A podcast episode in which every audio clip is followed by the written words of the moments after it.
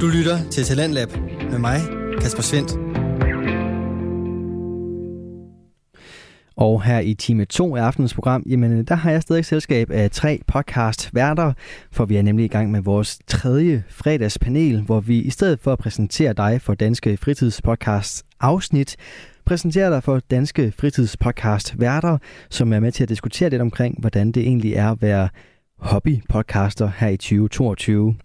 Med mig her i København, der har jeg Niklas Ritter fra Den Stolte Far, som han laver sammen med Magnus Hvid. Ham kunne du høre i sidste uge forresten. Med os her i København, der har vi også Mikkel Lytzen, som øh, både har lavet podcasten Danmarks mærkeligste opfindelse, og senest været med her i programmet med en øh, reportage om skak, som vi lige om lidt skal høre fra. Og i Aarhus, via et øh, videolink og via et, øh, en studiemikrofon, der har vi Tobias Bjerg, som øh, laver en videnskabelig podcast, der hedder En ting ad gangen, og den laver han sammen med Vilas Jacobsen. Endnu en gang velkommen alle tre. Tak. Tak. Og vi skal have fat i dig med det samme, Tobias, for det her med at lave en podcast med en makker. Det var noget af det, som jeg lovede, vi skulle snakke om her i time 2, inden nyhederne kom på. Og øh, ja, man, man kan jo lige så godt springe ud i det det her med at, øh, at lave en podcast, hvis vi skal starte med, hvem fik ideen af dig og Vilas? Det var, det var mig, der fik ideen. Godt, det, det synes jeg også, du snakkede om i, i time 1, så derfor var jeg lidt sikker på dit svar. Hvorfor skulle det så lige præcis være, være Vilas, du skulle, du skulle lave podcasten med? Jamen, øh, det var jo faktisk sådan, at jeg havde, jeg havde gået, og vi har arbejdet sammen med Vilas op på Stenårsædet her i Aarhus, hvor vi, øh, hvor vi har arbejdet sammen som formidler, og han har været i fysikafdelingen, og, øh, og jeg havde arbejdet med ham mange dage, mange gange, hvor vi har stået sammen, og så har jeg hørt ham forklare ting, og kunne fornemme, hvor dygtig en formidler han egentlig var, og synes jeg også bare, var, vi havde en god kemi, når vi snakkede sammen, bare mig og ham, og vi, vi også kunne snakke som, som venner, og det synes jeg egentlig var, øh, var noget, jeg egentlig godt kunne se kunne fungere, og så spurgte jeg ham jo bare, og så havde jeg jo ingen anelse om, hvad det skulle være. Det, jeg, I starten tænkte jeg, at det, nu får vi se, det kunne være sjovt at lave et eller andet, om det så rent faktisk ville blive til noget, hvor vi, hvor vi kunne komme ud og lave noget, eller det bare blev et eller andet, vi optog for os selv, og så havde vi det sjovt med det. Jeg havde ingen anelse. Jeg, jeg var sådan, nu prøver vi et eller andet, det kunne være sjovt. Og det går jo egentlig ret godt med at bare prøve det af. Ja. Øhm, øhm, var, det, var det klart fra starten af, at, øh, at øh, I skulle lave videnskabelig podcast? Det går jeg næsten ud fra. Ja. Ja, du snakker omkring den her amerikanske podcast, som øh, du havde brugt lidt som øh, springbræt til mm-hmm. at mhm. sige, nu kan vi lave en øh, dansk version, der er bedre, tror jeg, du fik sagt. Ja, be- ja måske bedre lidt meget sagt. I hvert fald nogle ting, som jeg hellere vil gøre, i stedet for det, de gjorde. Ja. ja. Og, øh, og noget af det, I gør, det er jo at tage fat i, øh, i øh, blandt andet have et nye miniserie omkring universet, og egentlig tage fat i nogle af de der lidt mere sådan øh, øh, essentielle spørgsmål og tage fat i, hvorfor er vi her egentlig og sådan ting. Og det er noget af det, som I sætter svaret på, eller i hvert fald forsøger at give svaret på. Og øh, jeg har taget klip med, hvor, øh, hvor du har nogle spørgsmål til, øh, til Villas. Det er fra jeres øh, afsnit 3 af den her miniserie, hvor øh, vi skal snakke omkring, hvordan jorden blev til. Øhm, eller I snakker om det, jeg skal endelig ikke snakke med omkring det. øhm, og det, jeg, jeg har taget det med netop, fordi det er et godt eksempel på, hvordan øh, du som øh, øh, Villas' podcast-makker øh, spiller ham god. Og det kan vi jo lige prøve at høre, hvordan det lyder her. Okay, for det første jeg tænkte, hvorfor er det, at alt bliver fladt? Nå, Og hvorfor er det, ja. at tingene begynder at rotere? Om oh, det flade. Ja, det, og det, det er tit, tit ja, fordi, at ja, ja, ja. galakserne er også flade, ikke? Og så sagde du, at det hele laver en disk, og... Så i virkeligheden, så skal vi tale om det, der hedder bevarelse af angulær moment. Øhm, så og skal vi taler om, at tyngdekraften afhænger af en over af Jan. Så det er en ren konsekvens af hvad hedder det, bevarelse af angulær moment og øh, den måde tyngdekraften interagerer på. Okay, det giver jo sindssygt god mening. Måske for dig, Tobias. uh, nu, uh, nu er det relativt uh, for nylig, jeg har hørt det her, uh, den her episode, og uh, altså, I forklarer det skide godt. Ja, jeg synes, der kommer, du kolder også væk, inden jeg synes, der kommer en meget god forklaring. Oh, jo, den, den var så også øh, fem minutter, fordi ja. der ligesom er en del, man skal, man ja, ja. forklare omkring det. Men det er jo lige præcis det, I gør i podcasten her, og det, som øh, du jo øh, får Villas til at gøre her, det er nemlig at få, få sat nogle ord på nogle øh, egentlig ret svære koncepter, og, øh, og så få forklaret dem. I, I har det her tag øh, på jeres podcast, der hedder, at I skærer videnskab ud i pap. Og sidste gang, øh, vi havde Villas med i, i fredagspanelet her, det var den første gang, øh, for to år siden, der, der prøvede jeg sådan at få ham til at sige, at det var videnskab for begyndere, men det var det egentlig ikke, som han siger, fordi det er egentlig ikke bare fordi, at, øh, at alle hver kan være med, men, men dem, der har interessen, de kan ligesom øh, hoppe ind i den her podcast. Øhm, netop det her med at skulle formidle videnskab, og, og også ret svær videnskab, øhm, hvorfor skulle det lige præcis være Villas, der skulle være med til at gøre det? Jamen, jeg tror, det er fordi, at øh, han er lige så nørdet, som jeg selv er. Altså, at vi godt kan lide, at, at det ikke bare bliver ren analogi hele vejen. At det ikke bare bliver sådan en... Og så er det ligesom, øh, for eksempel, hvis man siger, det, det, det klassiske ormehul-eksperiment, har jeg set, der er nogen, der laver den, hvor de folder et, et papir, og siger, hvad er et, hvad er et ormehul? Det svarer til, at du folder et papir, det er universet, og så stikker du en blyant igennem det, og så er det et ormehul. Og så er det den eneste analogi, man laver, og så er man færdig. øh, og så er man så lidt, det kan blive nogle gange lidt for nemt, og lidt for populærvidenskabsagtigt, at vi godt vil prøve at tage det et stik dybere ned, hvor man så prøver at bruge længere tid på det, og rent faktisk forklare det, i stedet for bare at bruge en 5 minutters nem analogi for hverdagen. Og det jeg ved jeg, at han, han rigtig godt kan lide at gøre, og det er også det, der betyder, at han nogle gange snakker lidt for lang tid. Og øhm, det er også der, vi skal være gode til at, at holde hinanden i snor, og så sige, Nå, nu skal vi også stoppe. Mm. Nu, nu, nu, nu er den gået for lang tid, for nu handler det om noget helt forkert.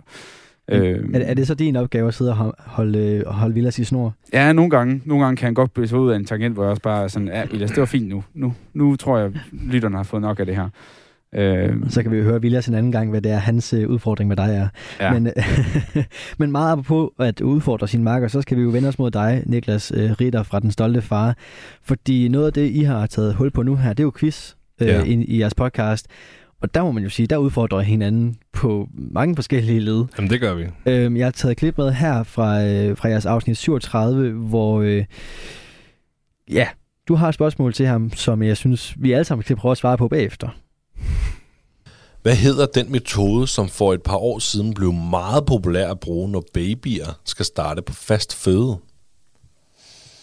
Øh, det ved du ikke. Foder. Du ved det 100%. Foder baby måske metoden. Men den er nok også ældre, du siger, for et par år siden. Mm. Jeg er garanteret nogle hipster-freaks inde på Vesterbro, der har fodret deres baby med pinden eller sådan noget, fordi at de ikke må få uh, tungmetaller, for de skærer fra Ikea. det er rimeligt. Vi har jo bare prøvet at, at made ham med ske, som jeg husker, men for det meste, det har vi faktisk også uh, fået ros fra, især fra min mor fra starten af. Altså hun synes, at Thomas er dygtig til at spise, og har været det igennem. Han fik lov til at spise tidligt selv, at vi ikke uh, sad og prøvede at tvinge ham. Så det, det kunne også være, det kan godt, ja, spis selv. Lad dem spise selv. Nej. Det den ikke. Nej. Men du er jo inde på noget rigtigt, okay. det vil jeg sige. Ja, selvstændighed, du. Selvstændighed. De skal selv med være selvstændige tidligt. Giver du om? Ja. Den hedder B så skynd mig lige stoppe den der. Kan du huske, hvad den hedder, Niklas? Og måske skal vi lige prøve at høre Mikkel og, og Tobias. Den her nye metode til at fodre sit, sin, sit baby, sin nyfødte, er der nogen bud på, hvad den kunne hedde? Noget med B. Ja, jeg skulle til at sige sammen. Noget, der starter med B. Dammit. Men uh, det hjælper mig ikke. Ja. Ja, uh, nu kigger I på mig, som om jeg kan huske det. den hedder BW et eller andet metoden. Yes, vi prøver lige at høre, hvad reglerne for den uh, metode er. BLW tre vigtigste regler. 1. Dit barn skal kunne sidde selv. 2. Dit barn skal kunne samle maden op og fra tallerken bordet og føre det i munden. 3. Dit barn bestemmer selv, hvad og hvor meget af det tilbudte dit barn vil spise. Således fik både Magnus og vi tre andre her i, i dagens øh, fredagspanel, så blev vi klogere på, hvordan man lige skal fodre øh, sit barn det kommer selvfølgelig fra den her quiz, som, øh, som I har indført i, i podcasten, hvor I netop udfordrer hinanden i mere eller mindre svære børnespørg- øh, babyspørgsmål, børnespørgsmål. Øhm, hvordan har det været nu her med det her segment, at, øh, at gå fra, ligesom øh, som Tobias og Filas gør, det spiller bolden op til hinanden, og så prøver at udfordre, selvfølgelig med, med et blink i øjet, øh, sin medvært? Det, det, det pisse sjovt. Altså virkelig. Øh, vi glæder os begge to hver gang, du ved, den ene skal quizze, eller også når man har lavet quizzen, for sådan, nu skal vi se, om han kan gætte den, ikke? Og vi har faktisk også en score på det, og jeg mener faktisk, at jeg fører, fordi Magnus han havde lavet en bogquiz for, bogquiz for i gang, altså med tema for bøger. Og jeg læser overhovedet ikke bøger, så han troede overhovedet ikke, jeg kunne. Og der tror jeg, jeg fik fire rigtigt ud af fem eller sådan noget. Nå, nå. Det er, det er simpelthen så sjovt at lave, og det er det. Og der øh, udfordrer vi helt bestemt hinanden med glemt ord, men det må heller ikke være for svært, fordi han skal jo også man skal jo også have lov til at bare få et rigtigt, ikke? Jo, men jeg skal skynde mig at sige, I er også gode til at lægge den op til hinanden. Nu har jeg bare lige taget det her med. Så Ja. Det er ikke fordi, at I sidder hele tiden og, og prøver at, at fælde den anden. Tobias, kunne dig og Vilas tage, øh, ikke nødvendigvis quiz-elementet, men det her med at, at prøve lige at, at, at prikke lidt til hinanden, kunne I tage det med ind i en ting ad gangen? Jamen, jeg sad faktisk lige præcis og tænkte på det samme. Generelt tror jeg faktisk godt, at et quiz-element kunne være meget godt. Vi har det en gang imellem, hvis der er noget, der lige sådan er oplagt, men nogle gange så er det jo lidt et retorisk spørgsmål, fordi man ved jo godt, at de andre ikke, den anden ikke ved det. Øh, så nogle gange har vi også tilbudt nogle spørgsmål, jeg bare, det ved jeg ikke. Men, men jeg tror helt sikkert godt, det kunne være fedt at have nogle spørgsmål med, hvor man måske kunne tabe lidt ind i noget, de ved en lille smule om, og prikke lidt til hinanden, så det både kunne være lidt svært, men også noget, man kunne grine lidt af. For det, jeg synes, det var øh, også et genialt svar, der kom øh, i IKEA-skeen. Det var øh, mega fed, mega fed øh, Det er dynamik, klassisk, kemi. det er klassisk Magnus. Ja. Han er simpelthen så god med det der. Ja, det lød fandme, det var fedt. Ja. Ja. Altså, jeg, jeg, jeg, jeg må også undskylde, hvis mit grin kom med ind over i mikrofonen, der afspillede klippet. Nej, det er jo bare øh, følelsen af at sende live, eller i hvert fald optale. Ja, ja, ja. ja. Mikkel, hvis ikke du skal udfordre din medvært, så skal du udfordre dig selv jo. Mm. Øh, hvordan kan man gøre det, når man sidder af ene mand, og både spille den op til sig selv og udfordre sig selv? Oh, det er et rigtig godt spørgsmål. Øh, jeg tror, altså, det er vel noget med at, sætte sig lidt ud på lidt uden for komfortzone. Altså for eksempel kommer jeg ind i en skakklub, og jeg ikke kender et øje. Mm. Allerede der, der er man jo lidt. Eller når man skal prøve de ting, man, øh, man undersøger selv, så inddrager man sig selv meget, og så bliver man om noget udfordret. Ja, fordi det er noget af det, du gør i din, din, øh, din afsnit fra Danmarks Mærkeligste Opfindelse. Der udfordrer du dig selv. Ja. Øh, har, har det, apropos vores snak i time 1 omkring den her balance mellem fjolleri eller øh, skæv vinkel, eller hvad man nu vil kalde det, og så øh, seriøs produktion. Altså, hvorhen har vi været i, i, i den balance i forhold til at udfordre dig selv, i forhold til at skulle afprøve de her forskellige produkter? Altså, jeg har taget det 100% seriøst. Det vil jeg sige. Øhm, jeg har, har gået ind til det, som om var, var det øh, en test af spaghetti eller noget andet, mm. som man, man læser i, i, hvad hedder de der blade? Ja. de der, øh, dem man kan få nede i brusen. Nå, Ja. De der forbrugerblade og så Tænk. videre. Tænk, lige præcis. ja. Altså, så jeg har, jeg har gået ind, ind til det 100% alvorligt. Og man kan sige, det, Som det, det var hver anden produkt, jeg skulle eller en, en filmanmeldelse, eller hvad det var. Ja, og man kan sige, det du ikke kæmper med, ja. Som øh, de to andre her i vores øh, fredagspanel, de jo så kæmper med, det er jo så, at du har din helt anden version, eller vision nok nærmere, og du skal ikke prøve at overbevise andre om, hvordan det de skal gøre. Som man siger, nu tror jeg ikke, der er super meget bøvl med jeres forskellige podcastmakre i forhold til at, at, at i hvert fald have en eller anden harmonisk samtale med dem omkring retning og, og valg og sådan nogle ting. Men den har du jo slet ikke, Mikkel. Øh, hvem er det så, du sparer med, øh, når du skal lave en podcastproduktion? Er det kun dig selv i, i dit hoved, du sidder med? Eller har du nogle øh, venner, bekendte, whatever, der ligesom... Øh, jeg tror faktisk, Ja. det er min, øh, jeg bor i et kollektiv, så dem jeg bor sammen med, de får lov at høre det tit. Øh, og ellers min kæreste. mm. Ja. Og Der- hvordan, altså, er det så, fordi du øh, har nogle vildere idéer, du præsenterer for dem, som de så skal ind til benet, eller øh, har det været med til sådan at støtte dig og sige, ja, gør mere af det her?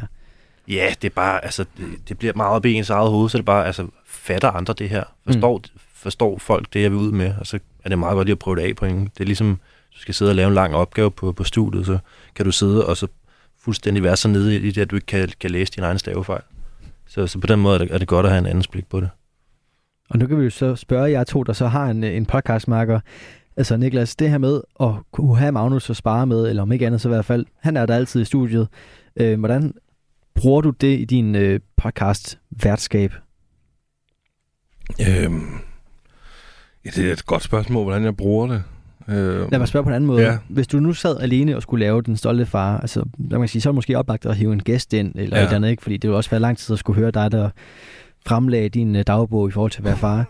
men, men, men, men det her med, at du har Magnus inde i studiet, øh, og, og på godt og ondt øh, har ham som, øh, som sparringspartner, når du skal være vært, når du ligesom skal sætte dig ind i den øh, kontekst, og tage nogle valg, og tage nogle... Øh, øh, altså tage konsekvenserne af de valg. Hvordan er det så at have en makker til at dele det med? Jamen det, altså det, podcastingen, det er super vigtigt, at, øh, at jeg har en, jeg, en medvært sammen med mig at snakke med. Altså jeg tror ikke, jeg vil kunne det der, hvor man bare snakker alene i mikrofonen, med mindre det er super scriptet. Jeg vil ikke kunne freestyle den i hvert fald. øh, så, så ja, det tror jeg bare, at det er vigtigt for, for mit vedkommende, også med Magnus. Altså jeg tror, at vores podcast lugter langt væk af, at det, to, to, altså to bedste venner, der har været bedste venner i rigtig mange år, som nu er blevet fædre.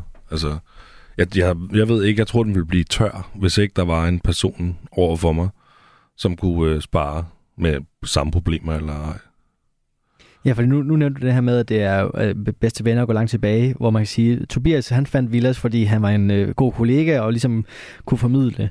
Øh, og nu hørte vi til at starte med også i, i sidste uge, at øh, den stolte far begyndte ud fra Magnus' øh, behov for øh, at formidle sin øh, oplevelse med at blive far, øh, især nok øh, fødselsberetningen.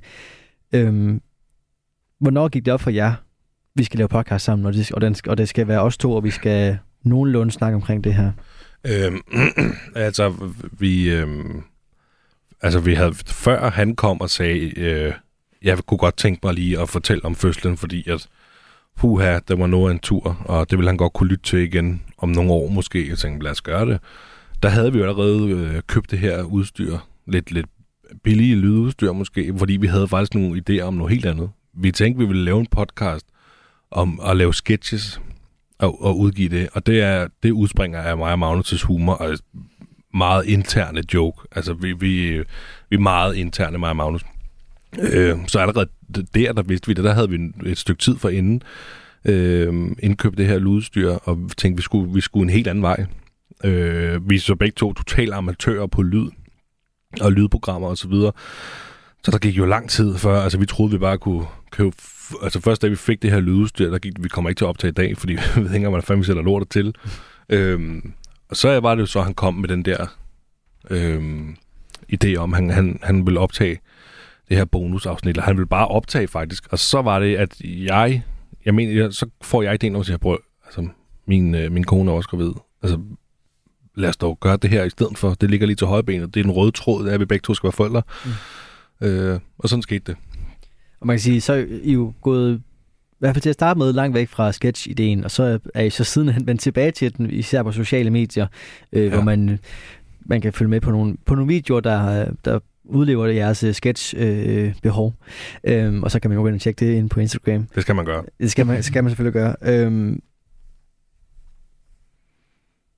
jeg, jeg tror, den, øh, den distance, der så er til sketch, altså til igen med at være fjollet, eller hvad man nu vil kalde det, øh, og så til at have øh, en podcast, hvor I udleverer jeres øh, faderskab, og I udleverer egentlig også jeres børn. Jeg snakkede, jeg snakkede med Magnus om det sidste uge i, i fredagspanelet.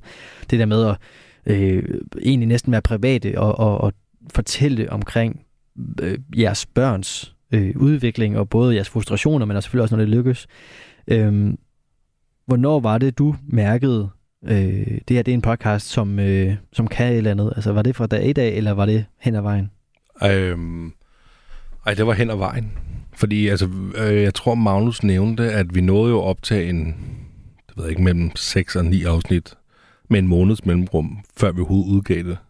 Øh, og det var, da vi udgav det, at at vi så blev enige om, okay, nu, nu gør vi det sgu ikke. Og så tror jeg, at mine visioner har været en lille smule højere end Magnus'. Altså, vi, vi, helt fra starten af det her program, der snakker vi om lyttere, og man gør det for lytterens skyld eller ej. Øh, og alt det, vi laver på de sociale medier, så det er jo for at få lyttere. Det er jo for at få opmærksomhed. Øh, så, så da vi udgav det, tænkte jeg, okay, nu, nu, nu gør vi det sgu. Og så, øh, om vi gør det for vores egen skyld, eller lytterens skyld, det må så, ja, sådan er det. og vi kan så vente om Tobias i forhold til øh, en ting ad gangen hvis vi skal starte der, hvor vi sluttede, i forhold til, om man gør det for lytterne eller, eller ej, hvor meget har det været fuldt for jer i forhold til jeres podcastrejse? Altså, har det hele tiden været en, en ambition, eller er det overhovedet ikke stadigvæk en ambition om at skulle have lyttere? Nej, det er da, det er da helt sikkert en ambition at, at, at have nogle lyttere. Altså, det er ikke, fordi det er super vigtigt at have, have mange, men jeg vil sige, det, som der helt sikkert betyder mest, det er de få, men ekstremt rare beskeder, man har fået på sociale medier, så på Instagram eller Messenger, hvor man har fået dem hjemme, hvor der er nogen, der skriver direkte, at de synes, det man laver er super fedt, og de håber, man laver mange flere afsnit jo. Og det kan godt være, at det er en person, der synes det, men, men det, det, at det er en fremmed person, og ikke en, ikke en af hendes venner, der synes det, de kan, de kan jo nogle gange godt sugarcoat det en smule. Øh, det gør jo ekstremt meget. Så for mig er det ikke så meget kvantitet, men helt sikkert kvalitet, at man kan, man kan få nogle personer ind, som der rent faktisk øh, vurderer det og siger, at de synes, det er fedt. Især også, når folk, de, de gange folk har skrevet ind og sagt, ved du hvad, jeg er helt vildt meget i tvivl om det her. Jeg synes, det var helt vildt spændende, hvis I tog det her emne op, fordi jeg synes, det, jeg har sagt indtil videre, det var mega spændende. så får man lysten til at lave det, og så med det samme, de skriver det, siger, jo, vi rydder alt, og så er det det næste, vi gør. Fordi at, øh, vi, vi synes jo, det er fedt, når nogen kan lide det, vi laver. Og man kan sige, nu, nu kan det være, det er lidt i tråd med det, men, men den første gang, du følte dig som en podcaster, første gang, du sådan tænkte, det her, det, det er godt nok, øh, det fungerer med en ting ad gangen. Jamen, det var helt sikkert første gang, vi fik en, øh, en besked fra en, øh, fra en fra en herre, som der, øh, jeg tror, det var nok en herre, der, øh, der underviste en, en klasse, øh, en folkeskoleklasse i fysik, og synes de vi lavede var super fedt, og havde nogle forslag til noget, fordi så ville det helt sikkert afspille sig for alle sine elever, fordi det kunne de bruge til undervisningen. Øh, og der var jeg sådan, okay, der er faktisk nogen, der sidder derude, der vil lytte det, og vil godt spille det for andre mennesker, og dele det rent faktisk, og skrev til os på den årsag. Der, der følte jeg virkelig, okay, nu er der nogen, der venter på, at der kommer noget.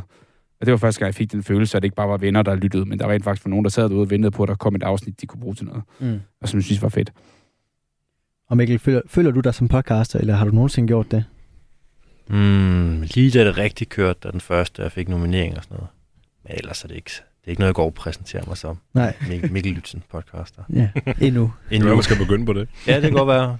Øh, jeg tror også, der er noget med, at de andre har jo produceret over 30 afsnit, og jeg har fire afsnit alt i alt, så der er noget med kontinuiteten. Kon- kontinuiteten, hedder det?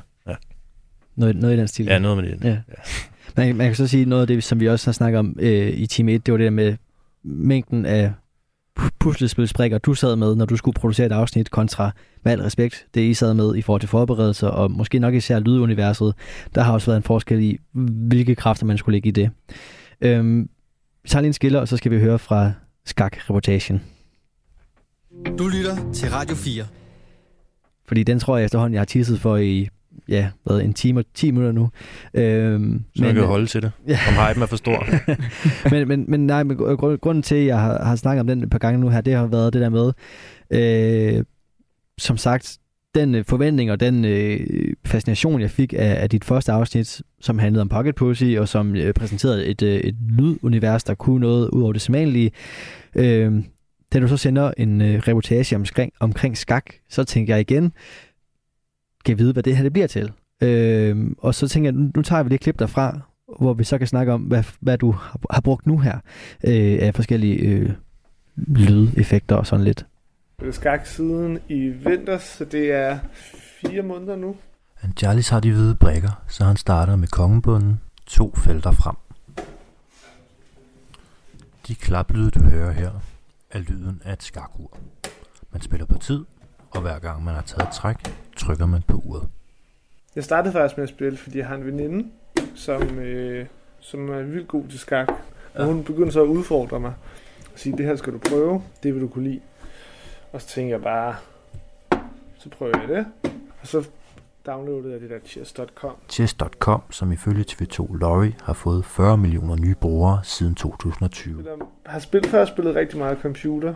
Så jeg elsker det kompetitive element i spil, sådan helt generelt. Øh, med computer, så, så ændrer de sig hele tiden. Så hver femte år, så kommer der nærmest et nyt computerspil, du skal være, blive god til. Det tiltalende skak er jo bare, at det er noget, man kan forvente at spille hele livet.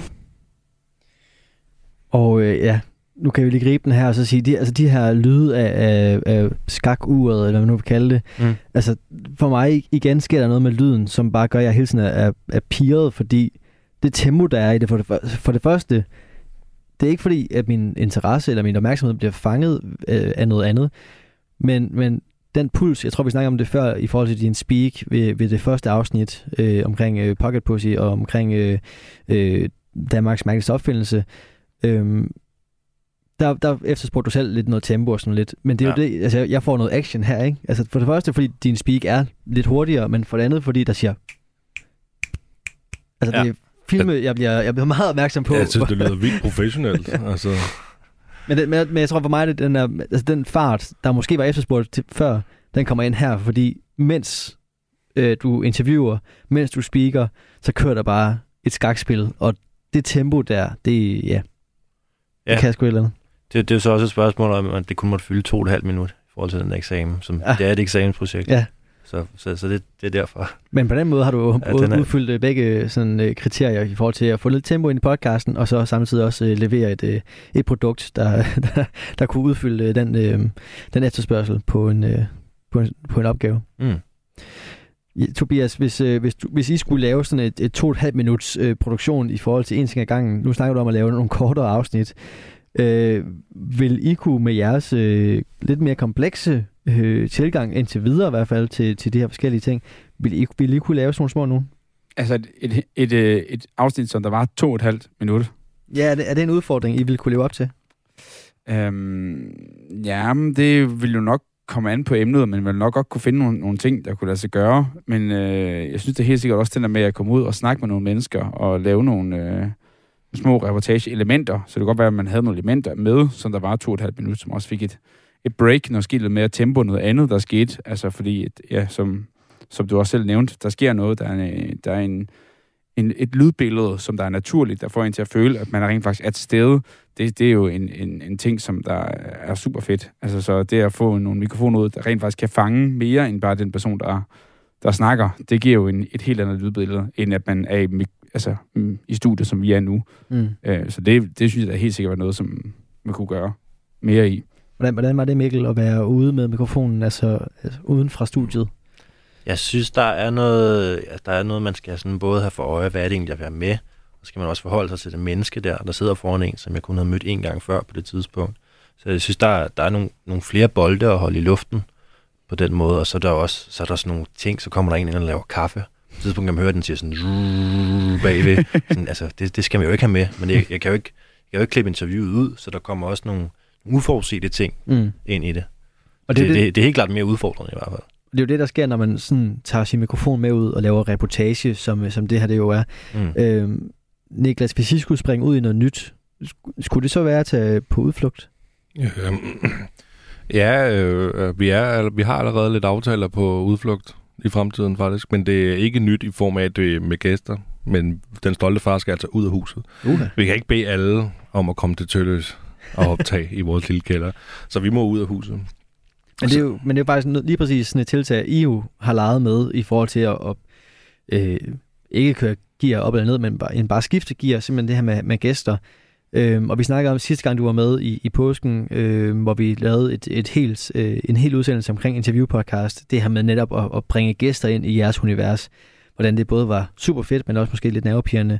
Øhm, vil, vil det her ikke netop kunne være det næste spændende og nervepirrende øh, træk, at, øh, at øh, den stolte far skulle, skulle optage uden for studie? Jo, den stolte far en tur, helt, helt sikkert. Også fordi vi, vi prøver lidt at, øh, at ramme nogle øh, ja, altså semikendte mennesker, kendte mennesker.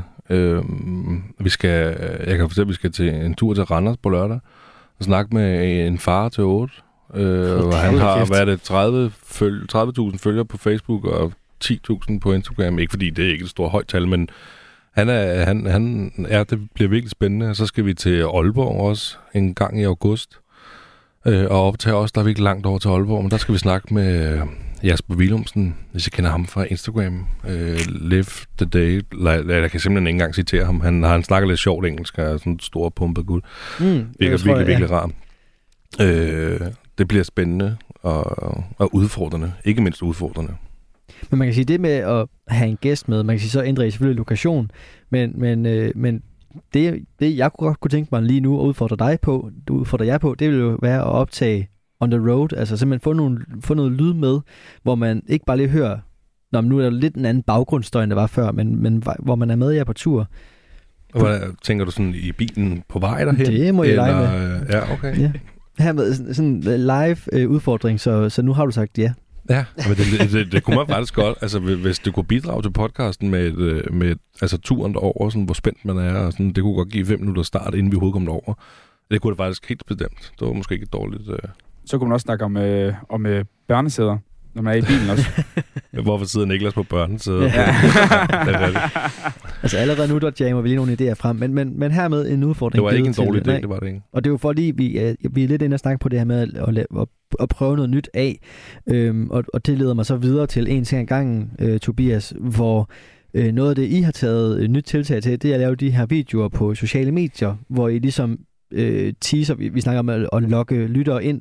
Øhm, og jeg har taget klip med fra de her videoer. Selvfølgelig fungerer det bedre med noget visuelt. Så Mm. hvis man nu sidder derude, og lige har adgang til sin mobiltelefon, så kan man jo bare lige hoppe ind på øh, en til gangens øh, Instagram-side og lige se den her video, i stedet for bare at høre den. Men her i studiet, hvor vi ikke bare lige har skærme foran os hele tiden, så tager vi bare lyd, øh, vi tager lige lyden. Okay, Vilas. Ja. Hvordan kan det være, at jorden egentlig endte med at dreje rundt om solen, efter den blev dannet? Ah, øh, men det var fordi, da, da solen blev dannet, så var det i virkeligheden en sådan stor gassky, øh, som ligesom tra- trak sig ind på grund af tyngdekraften. Right? Ja. Så i starten har der været mange små objekter, som har samlet sig til planeterne, som har drejet alle mulige retninger omkring. Altså rundt om Om, om, om centrum, om solen, ja. Ah, Og i så det, at de, alle de her objekter begynder at samle sig, og små planeter begynder at dreje rundt om øh, solen, så vil de kollidere med hinanden. Ja. Og det vil sige, at øh, alle dem, som måske drejer opover, de vil kollidere med nogle af dem, der drejer omkring siden. Ah. Og så med tiden vil der altid være en orientering, der vinder. Fordi der vil altid være en retning, hvor der måske er 20 sten, der drejer omkring. Okay. Og den anden retning er der 5. Så med tiden vil den med 20 vinde. Men tiden ville den med 20 vinde. Øh, her er vi ude i igen, altså at, at I tager en meget, meget kompleks ting, øh, det her med øh, solen, der bliver dannet, og, og generelt også med, med, hvordan det lige fungerer i forhold til, til retning og sådan noget. Og så tager jeg lige været på 57 sekunder, en, en forholdsvis, jeg, jeg kan godt følge med i forklaringen, nu ved jeg ikke, hvordan mine andre to øh, gæster her i studiet, om de sådan er helt skarpe på det, men, men, men I tager en, en relativt kompleks øh, forklaring og leverer den på under et minut.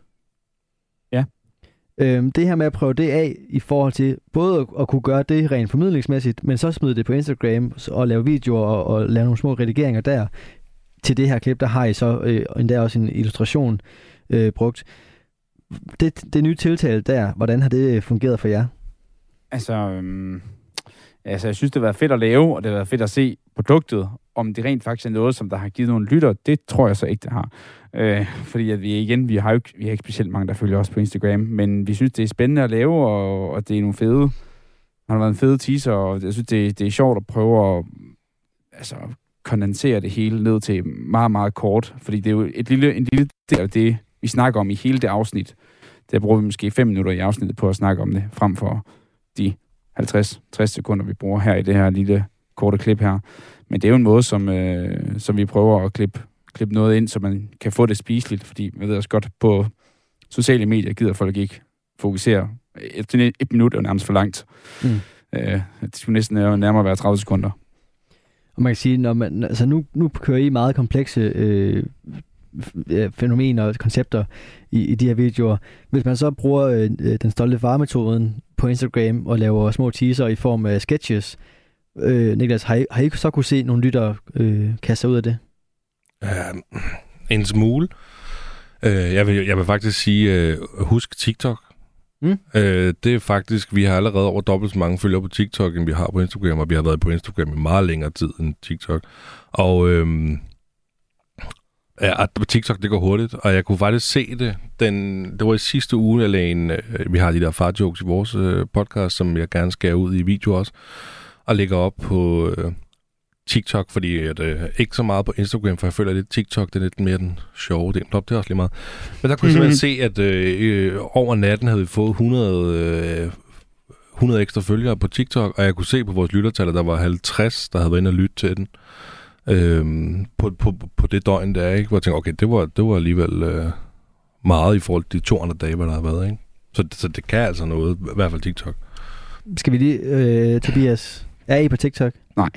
Kunne det være en idé?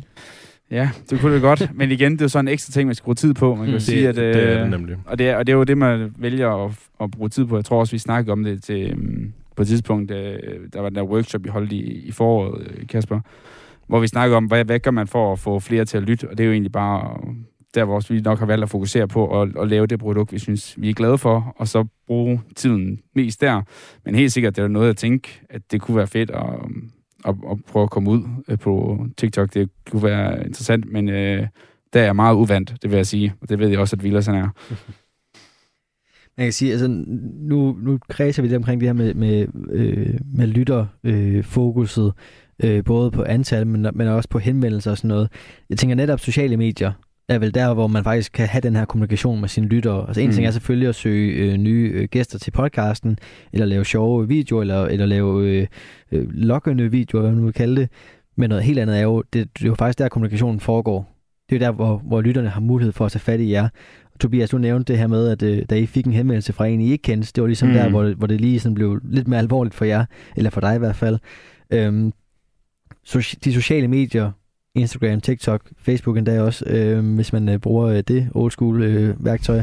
Øh, altså, er det, er, det, er det absolut nødvendigt at have for en podcast, eller er det, kan man godt klare sig uden? Nu ved jeg ikke, Mikkel, bruger du sociale medier overhovedet i forbindelse med Danmarks øh, mærkeligste opfindelse? Har du gjort det? Jeg har brugt noget så gammeldags som Facebook. Så gammel. Så, ja. ja. fedt.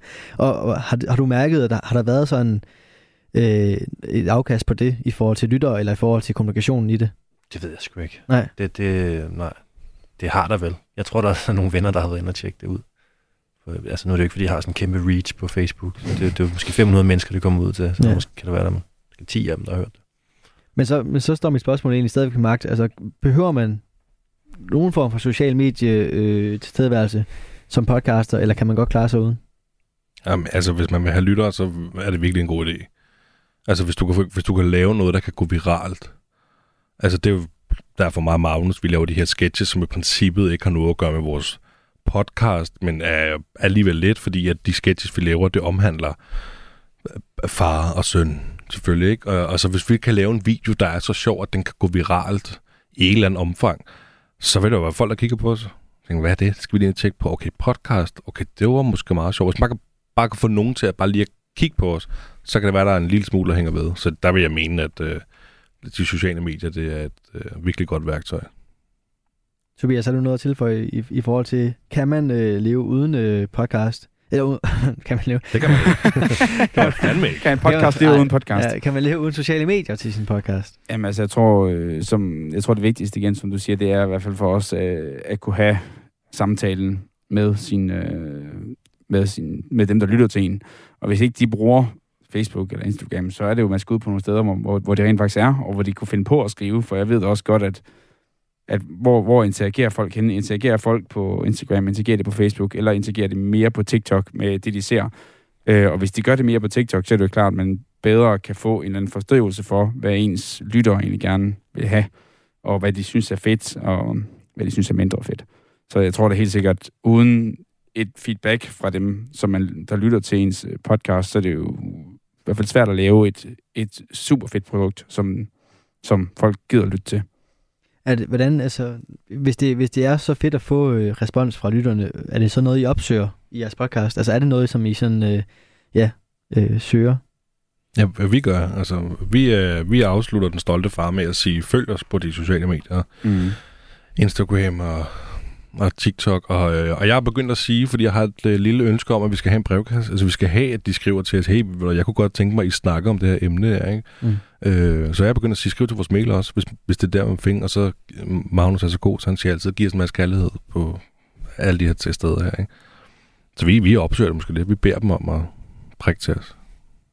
Tobias, gør I noget af det samme? Ja, vi har, vi har prøvet noget af det samme også. Vi har også prøvet at begynde at, at spørge dem, om de har lyst til at rate os, eller i hvert fald give os en bedømmelse på forskellige, øh, på forskellige medier. Jeg ved, at vi har fået nogle øh, øh bedømmelser på Apple Podcast for eksempel, og det er også der, hvor langt flest lytter til os. Så jeg tror, det virkelig også har en stor effekt at få nogle bedømmelser på de forskellige øh, podcast-tjenester. Og det er også noget, som vi prøver ligesom at se, om vi kan få noget mere af, for det tror jeg også giver et godt reach. Det, altså, indtil videre så er erfaringen jo netop, at, øh, at øh, noget af det, der før har styret noget, noget algoritme i forhold til, hvordan man lige bliver opdaget på Spotify, øh, iTunes, hvad det ellers hedder. Altså, det har været, øh, det har været det har i hvert fald været den, øh, et, et, et værktøj, man ligesom har, har været udbredt øh, øh, brugt i forhold til, hvordan får man lige øh, presset sig selv ind på nogle øh, hitlister. Det har været anmeldelser, ikke? Øh, det er så senere kommet frem, at det måske ikke var helt lige så vigtigt, som øh, man gik og troede, men, men i hvert fald stadigvæk et værktøj, man kan bruge. Både anmeldelser, men også øh, øh, Instagram og sådan nogle ting. Mikkel, du har lavet øh, ja, fire afsnit af Danmarks mærkeligste opfindelse, og så en skakreportage. Mm. Øhm, når du har skulle øh, søge respons på det, hvor har det så været, altså når du har lavet dem færdige og skulle, kan man sige, give det til verden, så at sige, øh, hvor har du så gået hen? Har det været primært Facebook? Ja, det har været Facebook. Ja. Udelukkende. Jeg har, jeg har slet ikke øh, tænkt i de baner. Det burde jeg gøre. Det burde du det, gøre. Ja, det, det tænker jeg. Altså, det er vel, det er vel, at man skal vel bare promovere sig selv så meget man overhovedet kan. Så skal man vel bare være fuldstændig skamløs. Har du, har du lavet mere, øh, har, du, har du lavet flere produktioner, hvis øh, der var kommet flere lyttere til? Hvis du har brugt Instagram, hvis du har brugt TikTok, eller hvad det nu har været. Om jeg har lavet, hvis der var flere lyttere, hvis jeg Ja, havde fået sådan- respons på det, mere Ja. respons. Mm, Har, ja. har du fundet mere tid? ja, det havde jeg nok. Ja. Jeg, jeg tror også, det er en fordel at have en marker, fordi så har man ligesom en, der hænger ind, holder ind i nakken med det, og så har man ligesom noget sammen i en form for, for klub. Så siger, nu, det, er lidt- det er lettere at gå- til badminton, hvis man er en og, og spille badminton med. Ja, okay, ja. Det, Ja. Det var meget godt God, sagt, an- god analogi, ja. Nå, fair nok. Men, men grund, og det er lidt fisk efter, det er jo det der med, hvad er betydningen for nok mest antal lyttere? Selvfølgelig, hvis det er 0, så er det måske ikke lige så motiverende, men, men, men, øh, men Niklas, for eksempel dig og, og, og Magnus og den stolte far, altså er der, et, er der et antal, som hvis I ryger under det, så mister I motivationen, eller hvis I ryger over det her, så skal den bare have fuld øh, Rebecca? Øhm, jeg vil ikke sige, der er nok ikke noget, der kan få os til at stoppe. Altså det skulle være, hvis vi begyndte at få grå hår eller tabe det, eller et eller andet, og det var simpelthen for stressende. Nå, altså, så, ja, så, så ville det godt være, hvis jeg, okay, vi stopper. Men, øhm, men jeg vil sige, vi oplever, at vores lyttertal stiger sådan okay hele tiden, og det giver blod på tanden. Mm. Altså det gør det helt bestemt. Og det gør bare, at jeg får lyst til blandt andet at oprette os på TikTok, og når jeg kan gå ind og se, at øh, i går fik vi 100 ekstra følgere, i dag har vi fået 100 ekstra følgere på TikTok, og jeg kan se, at det har påvirket vores lyttertal i, øh, i den her uge, så, så får jeg bare lyst til at lave endnu mere af det her. Altså, jeg tror, at det, vores næste skridt, det her, det vi snakker meget om mig og Magnus, det er at begynde at tale til vores lyttere på vores Instagram. Det der jo, hvis øh, I har vel Instagram, tænker jeg, så vil, så vil I opleve, at mange af dem, vi følger, det er sådan nogle, der står og taler til deres følgere. Mm. Det gør mig og Magnus meget sjældent. Altså, vi poster bare vores trailers, vi laver, eller vores jokes, eller sketches, eller nu der kommer et nyt afsnit op, bum. Jeg, der tror jeg, at vi vil fange endnu flere af vores følgere, og måske nye følgere, hvis vi begynder at tale til dem også. Endnu et, øh, et, et værktøj, eller hvad sådan noget, Men det- et redskab. Det, men det er altså bare super angstprovokerende og, bare, og meget udleverende at begynde at bare øh, eksponere sig selv på de sociale medier. Det synes jeg i hvert fald. Jeg synes, det er så svært. Også mere end at, at snakke om øh, børneopdragelse i sin podcast. Ja, meget mere. Hvorfor? Fordi at når vi snakker om børneopdragelse, så tænker vi ikke over, at der er nogen, der skal lytte til det. Så gør vi det bare. Altså, det er sådan, jeg har det. det er for, jeg tænker først over, at nogen skal lytte til det, når jeg, går selv, når jeg kommer til at gå over grænsen i mit sprogbrug, for eksempel. Altså bandeord, eller... ja, blandt andet. Altså, jeg, øh, her, vi optog her forleden dag. Øh, det er faktisk det afsnit, der kom ud i mandags. Det, øh, der kom jeg til at kalde Magnus for svans. altså, det kan jeg lige så godt sige. På, det er ikke noget. Og jeg, øh, det var i form af, at vi havde børneteam øh, quiz, jeg havde lavet til ham. Og så kan han svare rigtigt på det her spørgsmål om, at Anna Lottes lille øh, ven med spidshue hedder Geo. Og så siger jeg, hvad siger du, Anna Lotte, din svans? Ikke? Og så Magnus, han er ret hurtigt til, at vi skal lige sige, at svans, han mener altså ikke noget med det. Han, han mener bare mænd med løse håndled. Så han, jeg ved ikke, om han fik gjort det bedre, vel? Og der kunne jeg godt mærke, da jeg sådan lige gennemlyttede det, der jeg skulle lige øh, klippe jingles og sådan noget ind. Ikke? Så, altså, det er jo ikke, det er, jo- det er jo Magnus kan forstå det, men det er jo ikke, altså, vi lever i en tid nu, hvor det, det skal jeg jo ikke sige i podcasten. Jeg skal jo ikke øh, bruge det udtryk, fordi jeg kan sige det, når Magnus er den eneste, der lytter. Ikke? Mm. Så øh, ikke, ikke når alle andre kan lytte. Lige der, der, der tænker jeg måske over det, men ellers så, øh, så har jeg ikke nogen problem med at udlevere det, når, når vi bare optager selv. Tobias, hvornår har du været mest opmærksom på, på din egen levering? Har det været i podcasten, eller når I lavede de her videoer til sociale medier? Det har helt sikkert været videoerne. Det synes jeg også. Jeg tror, det er noget helt andet, når man har et kamera på, som der skal filme en, fordi så, så, skal, så er det for eksempel, hvis du sidder og optager, så kan du godt lige sidde og, sidde og pille næse, du kan sidde og gøre et eller andet, mens du sidder og optager.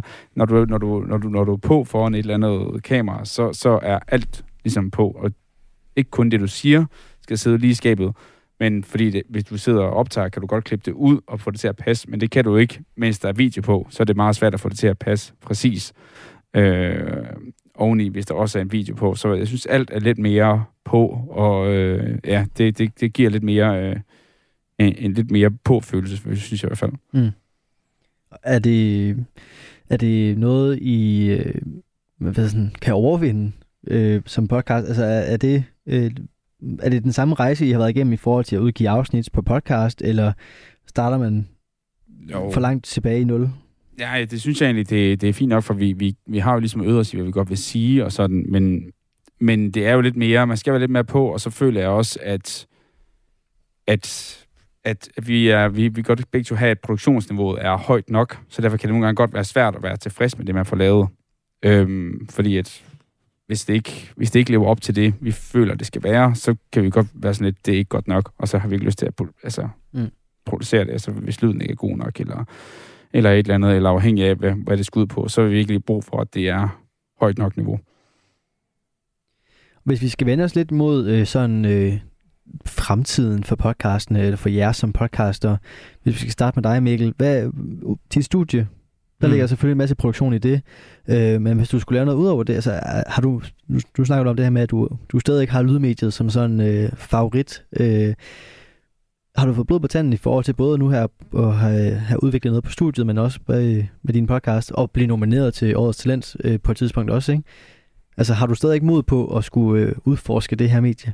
Ja, 100 procent. Jeg har faktisk for nylig øh, lavet en ansøgning til, til en anden kanal, jeg ikke kan nævne her. Ja, det hører du bare. Så, øh, 24-7 lavede jeg en ansøgning til, at de søgte sådan noget øh, talent også, sådan noget Mm. deltidsarbejde, som jeg desværre ikke fik, men øh, jeg kunne rigtig godt tænke mig gå den vej. altså det, det, det, er noget, det er noget, de sender øh, sådan sen aften nat, øh, sjovt nok som lidt en konkurrent til, til det her, og, ja. Men, så det, måske skulle jeg ikke sige det, men, de, men der, er- de laver altså nogle ret fede øh, produktioner derovre, og som du selv siger, det, det er tid, deltidsarbejde, ikke? så der er jo ligesom også nogle penge i det. Øh, skal der være det, før du sådan tænker, øh, der skal være flere, mere, mere produktion? Det vil helt klart godt lidt af i hvert fald. Ja. Det vil lige være, lige være guldråden der. Tænker, okay, det er, jo, det er jo faktisk mit arbejde. Så vil jeg også føle, at der var en eller anden form for forpligtelse. Mm. Fordi der er nogen, der giver mig nogle penge for det. Det noterer ja. vi også lige her Ja. internt. Niklas, udover, I skal på tur, men udover det, hvad, hvad venter der sådan lige for, for den stolte far? I udgiver stadigvæk ugeligt, eller hvordan? Ja, vi udgiver ugenligt. Det er planen. og øh, altså, jeg, jeg, vi både mig og Magnus skulle godt tænke os, at der også, altså det kunne være virkelig fedt, hvis vi kunne ramme vores øh, første sponsorat af en eller anden aftale. Der er jo mange podcaster, der har et lille sponsorat med nogle rabatkoder øh. Koder og alt muligt, og det kan give også lidt. Men bare sådan noget, så man kan få dækket udgiften. Altså, jeg, jeg har lige betalt vores øh, årlige regning for Podbean, som er vores host, ikke? Altså, det, øh, det er 1000 kroner årligt, det der, ikke? Hvis den kunne blive dækket, så ville det være lækkert for det stykke arbejde, man laver i fritiden. Mm. Mm. Så det, det kunne godt være et mål for os i hvert fald. Det er noget med at skrive en øh, pitch og, og gå rundt og se, om ikke øh, der kunne være nogle relevante måske, eller, eller øh, kunne det også være Coca-Cola, eller kunne det også være noget... Ja, det vil selvfølgelig, ja. det vil, det vil altså baby eller et eller andet kære børn, hvis man kunne ramme et eller andet, som relaterede rimelig meget. Det ville være lidt åndssvagt, øh, hvis vi reklamerede for Coca-Cola blandt andet. Mm.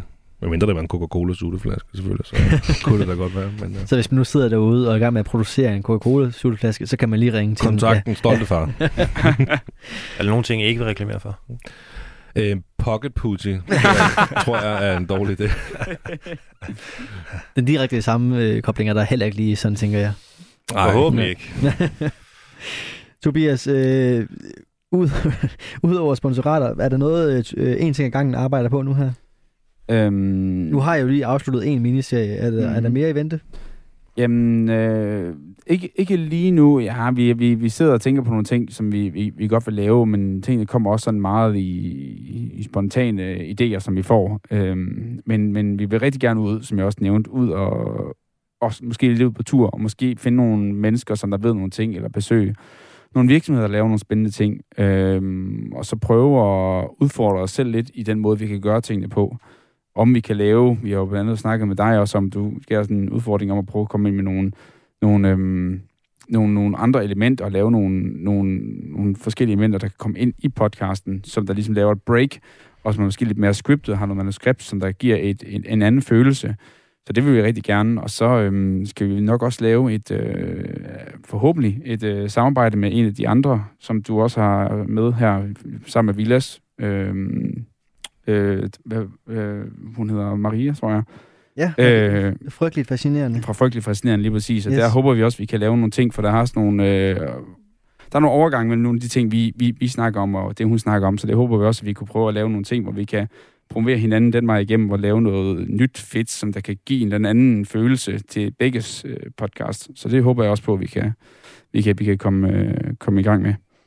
Der kan man så sige, at den dag, der så er vid- videnskab i at være far, så kunne det jo så... Helt bestemt. Jamen, vi, har, vi har jo faktisk snakket med gamle mænd i nye spil. Ja, som vi også har at sende. Yes. Yes. Ja, jeg tror, vi snakkede Cool. med dem til... Øh, var det på, på de påske der, ikke? han var med, Jakob Yes. øh, om at lave en crossover med dem. Det kunne bestemt være spændende. Jamen altså, Det, med at Det se kunne sin- man også med deres podcast. Det med at se sine børn lege, det er jo altid dejligt. Ja, det er det. Vi skal, vi skal så småt til at runde af for, for i aften, men øh, vi skal selvfølgelig også runde af med en runde af, af gode råd, som øh, vi har gjort de andre to øh, fredagspaneler. Øh, paneler. og det, der har været fokuset sådan øh, fra, fra de sidste par gange, det har været just do it, altså simpelthen øh, kaste jer ud i det, og så har det været øh, at sørge for den gode lyd. Øhm, hvis vi skal starte med at give dem, øh, der sidder og lytter derude, tre nye gode råd. Øh, Tobias, hvis vi skal starte med dig i Aarhus. Et, øh, et godt råd, en god erfaring til, øh, til nogle podcast øh, håbfulde, der sidder ude og, og lytter til det her program. Jamen, jeg tror jeg også, jeg vil sige, at øh, det, det ligger måske lidt over det der, hvad du sagde, just do it, men altså det der med, at man kan læse op på en masse ting, og man kan lave en masse planer, men man lærer først, hvordan tingene er, og hvordan det er, når man prøver sig frem, og så prøver forskellige ting. Fordi vi lavede også tre-fire forskellige optagelser, inden vi sådan kom frem til, okay, hvad er det, vi gerne vil? Fordi det er svært at vide, hvordan tingene kommer til at lyde, hvordan kemien, hvis nu man er to, ligesom mig og sig være, været, øh, så, er det, så er det svært at vide, hvordan det præcis kommer til at være, før man bare har prøvet det, og prøvet flere forskellige ting af. Og, øh, og det synes jeg egentlig er vigtigt, at man ikke bare siger, det kan godt være, at man springer ud i det, men så ikke man bare siger, det er det, vi har gjort nu, og det er det rigtige. Men også, at man er åben for at prøve nye ting af, og se, om det virker. Og så kan det være, at man gør noget, og så var det bare, det gad folk ikke at have. Eller det synes man selv var noget værre lort. Øh, men det skal man være åben for, og, og prøve det, og, og sende det ud til folk, og få noget feedback, og, og, og være åben til at sige, ved du, det fungerede ikke, eller det fungerede godt, og så, så, så gør det på den måde. Så, så prøv nogle ting af, men måske også være klar til så at ændre kurs. Ja, man, man, man, skal ikke måske være for sat fast på, at det, man mener, er super godt. Altså, man kan godt have et, øh, et standpunkt, til man tager et nyt.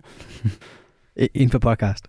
Inden for podcast. Niklas, hvis øh, vi skal have et råd for dig af, også en, en erfaring eller et eller andet, du har gjort der.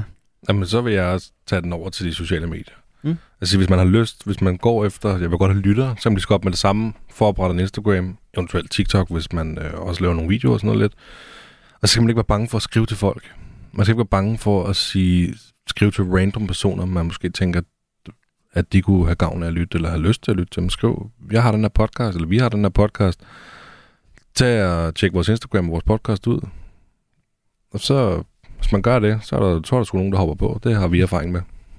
Og hvordan, øh, altså, øh, når, hvis man bare skal blive, blive ved det råd, altså, selvfølgelig en ting er bare lige at skrive, øh, men, men, men har I så øh, brugt lang tid på at formulere en sætning, eller har det bare været, øh, hov, her kan du lige tjekke det her ud? Nej, vi, ej, jeg vil sige, vi har, vi har brugt lidt tid på at få den rigtige sætning. Så okay. er det så også den samme sætning, vi sender ud. Ikke? At vi øh, har nogle, en Instagram med sjove videoer, men vi har altså også den her den stolte far-podcast. Ikke? Og så har vi jo så fundet, så har vi fundet, brugt, brugt hashtags, hvor vi ligesom kan se, okay, det her det er altså familiefædre, eller familiemødre, eller familier, som tænker, okay, det passer lidt til, altså en eller anden fitness-nørd, online coach, vil måske ikke have så meget gavn af at, at få en lille, besked for os på Instagram, men Mm. altså, ja. Så, så også man måske lige prøve at, at ramme en eller anden form for målgruppe med sine beskeder, med sine henvendelser. Helt bestemt. Men ellers bare kaste ud i det. Hvis man gerne vil være lytter, man skal ikke være bange. Jeg har lige et, øh, et kort opfølgende spørgsmål, faktisk. Er Ja, det, er det så fordi, at de nogle gange så deler det? Altså hvis det er nogen, for eksempel Instagram, nogen, der har mange følgere, vil de så dele det med deres egen, og sige, prøv at lytte til det her, fordi at de var ret fede? Og det kan man jo håbe på. Men Mm. mm. vi har jo, vi, har, vi, vi bliver fuldt af mange og følger mange af sådan nogle øh, fædresider, som øh, har en del følgere, Mm. og, og som bruger deres fædreliv til at vi som blog, bruger deres Instagram som blog til deres fædreliv, når man kan sige. Og så nogle gange så opdager man lige pludselig, at øh, de forskellige Instagram-profiler klapper hinanden på skulderen ved at poste lidt, og, og der kan vi også poppe op lige pludselig og få en anbefaling af en eller anden, ikke? og det er altså meget Ja. fedt. Ja, helt sikkert. Og så giver vi selvfølgelig også den anden vej. Fedt. Mm. Vi øh, klap på skulderen der. Ja. Mikkel, nu har du fået en lille smule øh, betænksom tid. Ja. Øh, et godt råd, en god erfaring, du lige vil øh, dele her til sidst. Køb noget ordentligt udstyr. Køb et ordentligt udstyr. Ja. Og øh, er det, hvordan har du fundet frem til det selv? Er det bare Google og sø, søge løs, eller hvordan? Simpelthen, ja. Ja. YouTube igen.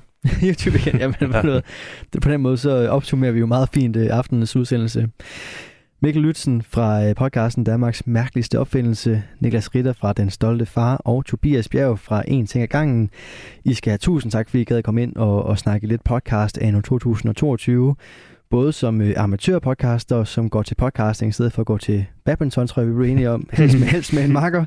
Øh, og øh, kom ind og snakke lidt omkring de erfaringer, jeg har gjort jer, og måske også nogle, øh, nogle holdninger til, hvad man bør gøre som, øh, som amatørpodcaster, der sidder derude og, og gerne vil i gang. Mit forslag til dig, der sidder derude nu her, det er selvfølgelig at gå ind og tjekke de her tre podcast ud. Det kan du gå ind på din foretrukne podcast tjeneste. Og så kan jeg også forstå, at man kan finde dem både på Facebook, Instagram og endda også TikTok, så øh, der er også nogle sociale medier, der skal tjekkes ud. Du kan også gå ind og finde øh, de her fredagspanels udsendelser på Radio 4 inde på vores hjemmeside og i vores Radio 4 app. Du skal have tusind tak, fordi du gad at lytte med her til i fredagspanelet i aften. Mit navn er Kasper Svens, og øh, nu er det tid til nattevagten her på kanalen.